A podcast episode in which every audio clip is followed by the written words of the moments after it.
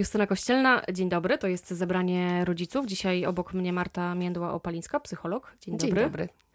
Sen, a właściwie jego brak, to jedna, y, jeden z pierwszych problemów, y, z jakimi mierzą się świeżo upieczeni rodzice. Są Mhm. wyspani rodzice? Widujesz takich? Tak, z reguły do szóstego tygodnia albo do trzeciego miesiąca życia dziecka. To się zdarza. Zdarza się. Są też tacy, którzy kłamią i mówią, że dzieci przysypiają całe noce. Co jest takiego w tym spaniu właśnie, że często koloryzujemy trochę, mówimy, a moje to śpi? Jest- Y, Albo wręcz przeciwnie, są tacy, którzy moje nie przespały do szóstego roku życia i mówią to z taką radością. To jest taka, ym, taki trochę mit rodzicielstwa, tak? Miarą naszego rodzicielstwa jest to, czy dziecko śpi, czy je i je. To są takie podstawowe dwa mierniki. Bo jeżeli twoje dziecko śpi, przesypia całe noce, super, to jesteś świetnym rodzicem, robisz magię.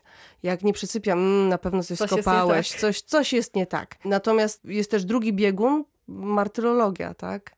Czyli jestem tym biednym, uciemiężonym rodzicem, który nigdy nie wypił ciepłej kawy i nigdy nie przespał więcej niż godzinę ciurkiem i tak dalej. To są skrajności, ale te skrajności są bardzo napędzane przez społeczeństwo. Jedną z pierwszych pytań, które słyszy młody rodzic, taki Czy świeżo upieczony, jest to, a jak śpi? A jak je? O jedzeniu wiadomo, mnóstwo mitów, problemów, czy piersią, czy butelką, e, kiedy rozszerzać, kiedy nie rozszerzać. Strasznie dużo uwagi temu poświęcamy. I tak samo spaniu. A czy są drzemki? A jakie są częste? A dlaczego 20 minut, a nie 2 godziny? I tak dalej, i tak dalej. Tymczasem dzieci śpią bardzo różnie przecież. Oczywiście. Dzieci śpią niesłychanie różnie. Bardzo często jest tak, że po porodzie dzieci odsypiają, bo muszą z powrotem nabrać sił, bo poród jest dla dzieci niesamowicie dużym wydatkiem energetycznym i dzieci wtedy po prostu usypiają na dłuższy czas. Nawet niektórzy się cieszą, że potrafią tak całkiem sporo te dzieci pospać. Niektóre nawet noc potrafią przespać, ale to nie zawsze jest też powód do radości. Ten czar pryska w pewnym Ten momencie. czar pryska i to dobrze, że czar pryska, bo to ma swoją funkcję. Takie małe dziecko bardzo łatwo może wpaść w hipoglikemię. Wpadając w za mocny, zbyt długi sen, dziecko bardzo szybko może przejść w stan śpiączki. Dlatego to dziecko automatycznie się wybudza. Jego organizm jest zaprojektowany tak, żeby odruchami i impulsami wybudzać się w konkretnych godzinach, żeby dostać dawkę pożywienia. Jeżeli dziecko się nie budzi na jedzenie i trwa to zbyt długo, to też jest dla nas niepokojący objaw, choć dla niektórych rodziców jest to powód do dumy. Ale mówimy o takich całkiem malutkich dzieciach. Tak, mówimy o całkiem malutkich dzieciach. niemowlętach. Tak. Potem około y, trzeciego miesiąca zaczyna się taki spektakularny skok rozwojowy, gdzie następuje taki dosyć spory kryzys snu. E, Jeżeli kobieta karmi piersią, zmienia się skład mleka, dziecko mm, zaczyna inaczej odczuwać zapotrzebowanie na jedzenie. I to jest taki duży skok rozwojowy. Po szóstym tygodniu jest pierwszy, a po trzecim, tygo- po trzecim miesiącu kolejny. I po nim najczęściej to spanie zaczyna Psuje być coraz się. trudniejsze. Czyli rozumiem, że y, jeżeli są dzieci, które przesypiają do trzeciego roku życia y, świetnie, śpią dobrze, to Mhm. nie ma jeszcze, y, nie ma co się cieszyć. Do trzeciego miesiąca, tak, zmienić. tak. To się może zmieniać, a co gorsza, to się będzie jeszcze zmieniało około pół roku. Bo takim największym kryzysem spania jest moment, kiedy dziecko zaczyna siadać i raczkować, kiedy zaczyna mieć nową perspektywę i zaczyna móc inaczej przetwarzać bodźce, kiedy jest bardziej samodzielne, może po więcej rzeczy sięgać i wtedy dzieje się dosyć duży przeskok związany z tym, um, ilo- z ilością bodźców, która jest dostarczana do mózgu dziecka. Wpływa to też na kryzys snu. Kolejny. Kolejny. Sen to jest bardzo w ogóle trudna kwestia w życiu dziecka, bo bardzo mocno zależy też od jego temperamentu. Będą dzieci, które będą regulowały sobie emocje za dnia i może trochę więcej popłaczą, może trochę więcej się pozłoszczą, a może po prostu y, łatwiej przetworzą wszystkie emocje, a będą też dzieci, które będą odreagowały te emocje w nocy. I e, to są dzieci, które będą się wybudzały w nocy, którym będzie ciężko wejść w stan y, snu głębokiego, bo to, o czym należy pamiętać, to też to, że sen dziecka jest inaczej skonstruowany niż sen dorosłego. Czyli? Sen dziecka różni się jakościowo w stosunku do składu snu osoby dorosłej.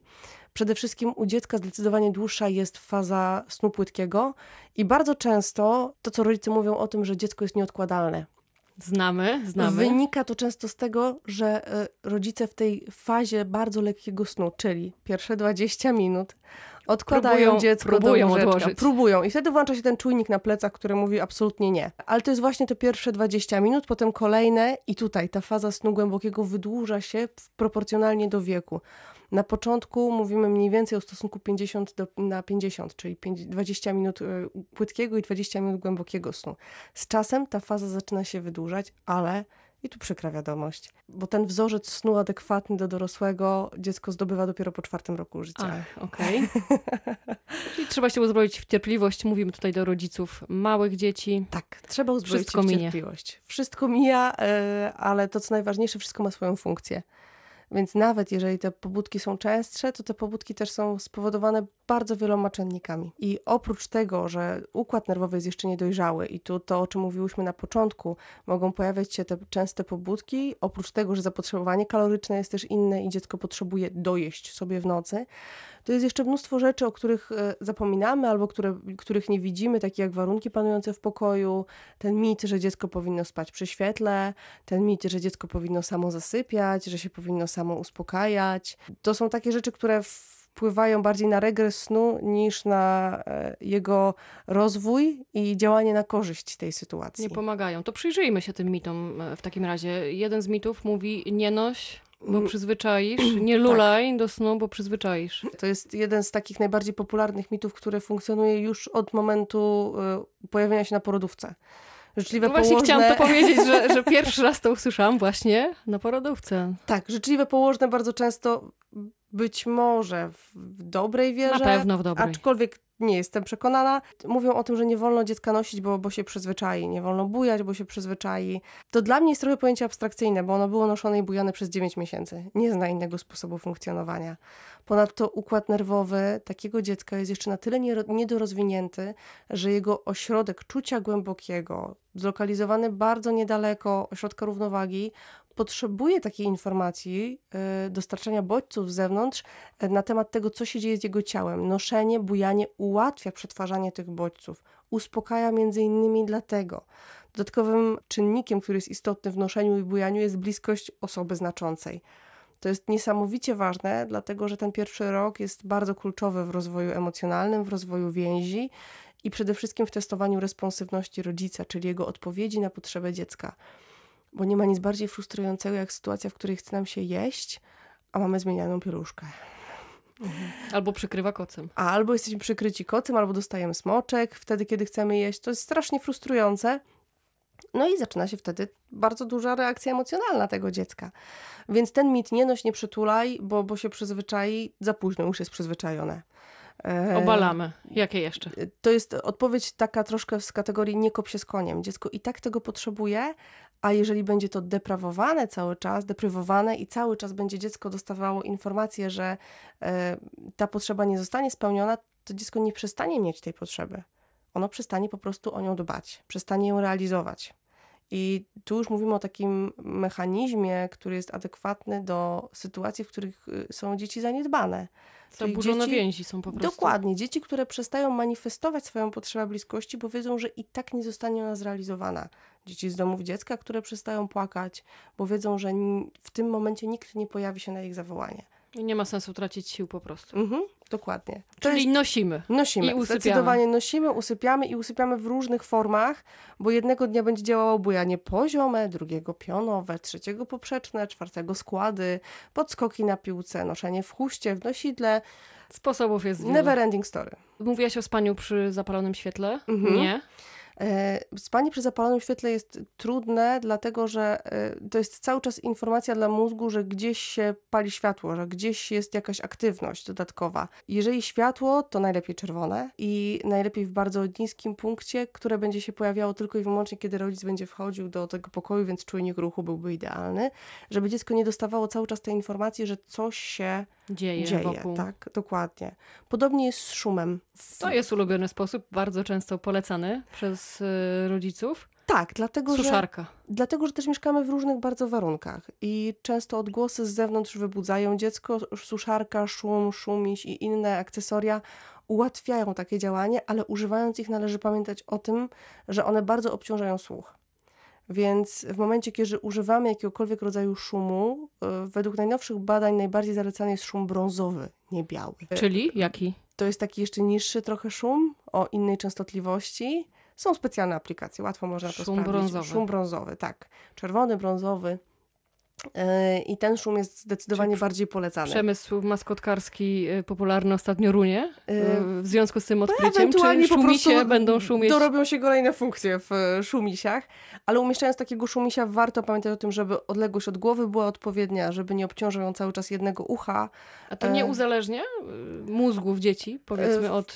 Myślę, że uzależnienie to jest e, duże słowo. Przyzwyczaja, owszem, sprawia, że trochę dziecko jest zwarunkowane, trochę jak piesek Pawłowa. Nie, nie oszukujmy się, że w momencie, kiedy pojawi się szum, może pojawić się też reakcja snu, ale ten szum też po jakimś czasie może denerwować i może wybijać ze snu w momencie, kiedy się zakończy. Czyli trzeba uważać i obserwować. Więc obserwujemy, obserwujemy, obserwujemy. Ostatnio fora wstrząsnęła taka informacja z Cannes, z jednej z książek niedawno wydanej, że dzieci należy odkładać i że nawet jak będą bardzo płakać i wymiotować, tutaj niedokładny cytat, ale o to chodziło, to Mhm. nie należy się martwić. Co ty na to? Gdybym była złośliwa, powiedziałabym jasne, super, będę mieć klientów do końca życia. Ale nie E, jesteś, nie Ale nie jestem złośliwa i powiem, że to jest e, działanie, które jakby neguje ideę relacji i to, do czego doprowadza to działanie, to pierwsza rzecz trwałe zmiany w mózgu dziecka. Długotrwały płacz i frustracja potrzeb sprawiają, że równowaga hormonalna i neuronalna w ciele małego dziecka zostaje zachwiana. Druga rzecz, całkowicie zanegowanie funkcji płaczu, który jest niesamowicie istotny. Funkcja płaczu to jest pierwsza z prób nawiązania komunikacji z otoczeniem. Więc jak potem takie dziecko ma komunikować się ze światem, skoro na tak bardzo podstawowym e, poziomie ta komunikacja jest nieefektywna? Jak ma zadbać o siebie jako dziecko, potem jako dorosły, skoro jest to mu uniemożliwiane? A już doprowadzanie dziecka do takiego momentu, gdzie sam sen będzie się kojarzył ze stresem, z wymiotami, z trudnością, tresowanie dziecka, nie trenowanie, tylko wręcz tresowanie dziecka, sprawia, że ta relacja rodziców i, i dziecka jest coraz trudniejsza. I może na początku wydać się to kuszące, bo zaczną się przespane noce, bo to Właśnie to dwa tygodnie oferuje i po krzyku. Ta, ta metoda tak, E, tak zwanego wypłakania się. Jak najbardziej, ale, w, ale z mojej praktyki terapeutycznej wiem, że potem po wielu latach przychodzą rodzice, którzy mówią, że, że, że relacja z dzieckiem stopniowo coraz bardziej podupada. I oprócz wielu zmiennych bardzo często pojawia się też to, że to dziecko było ustawiane pod harmonogram rodzica, jego sen był trenowany, jego jedzenie było trenowane, było karmione co trzy godziny. To naprawdę ma takie efekty? Tak obserwujesz w przyszłym e, Oczywiście. życiu, w doro, dorosłym, Mówią, nastoletnim, mówią dziecięcym? o tym przede wszystkim badania psychologiczne. Teoria przywiązania, której opieramy bardzo wiele konstruktów psychologicznych, mówi nam o tym, że w momencie, kiedy się rodzimy, do ukończenia pierwszego roku życia, nawiązujemy pierwszą, najważniejszą więź, która będzie warunkowała resztę więzi w naszym życiu. Ta więź, czy będzie to więź bezpieczna, czy pozabezpieczna, mówi nam o tym, jak będziemy wchodzić w relacje z innymi ludźmi.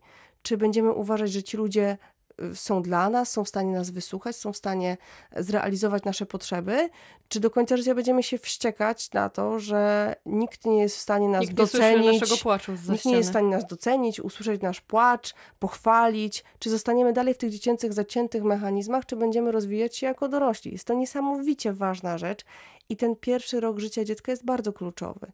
Dlatego jest to niesamowicie trudne, kiedy dziecko na przykład doświadcza bardzo bolesnych form rehabilitacji. Rodzice, którzy rehabilitują swoje dzieci metodami typu Wojta, są niesamowicie, w, są w bardzo trudnej sytuacji, bo muszą się bardzo napracować, żeby ta relacja w dalszym ciągu była prawidłowa i sami to widzą. Więc rodzice, którzy celowo chcą zapewnić swój komfort, dostarczają dziecku tak dużo frustrujących bodźców, bez tak naprawdę głębszej potrzeby, czynią to wielkim kosztem. No to może chociaż jakaś rada na koniec. Skoro y, zanegowałyśmy kilka popularnych metod usypiania, a tą najbardziej popularną w, szczególności, czyli y, tak zwaną metodę do wypłakania się. Rada to przede wszystkim rytuał, czyli e, zadbanie o to, żeby dziecko przed spaniem miało jakiś ciąg, który jest dla niego przyjemny. Dla wszystkich dzieci to będzie ok? Nie, nie dla wszystkich, dla mojego na przykład nie. E, nie dla wszystkich, dlatego że są dzieci, które bardzo szybko łapią o co chodzi w rytuale i czują, że ten rytuał prowadzi do konkretnego rozwiązania i niekoniecznie chcą I wchodzić już w tą wiedzą, co sytuację. nastąpi po czym. Ale na to też trzeba mieć gotowość, że okej, dziecko nie chce zasypiać z konkretnych powodów. Albo jest przebodźcowane, albo jest niedostymulowane i potrzebuje większej ilości bodźców, albo nie potrafi sobie poradzić z tym dniem, albo potrzebuje czegoś jeszcze innego ode mnie. I to moją robotą jest, żeby przez chwilę się zastanowić, a jeżeli czuję, że to dla mnie za dużo, to poprosić kogoś innego o wsparcie, żeby to on uśpił dzisiaj dziecko. Warto przyswoić sobie najważniejszy fakt. Nie ma jednego przepisu. Jeżeli czytacie książkę, w której podany jest przepis, to możecie być pewni, że to je będzie kosztowne dla was i dla waszego dziecka. Nie ma przepisu na wasze dziecko, bo to jest unikatowy człowiek, który pojawił się na tym świecie z unikatowych ludzi i nie ma na niego przepisu. Jest relacja, w której można pozostać i która może go wspierać, i, yy, i to jest cała magia wychowania. Cóż za puenta. Marta Międła-Opalińska, psycholog, bardzo dziękuję. Dziękuję również. Pytała Justyna Kościelna. Do usłyszenia.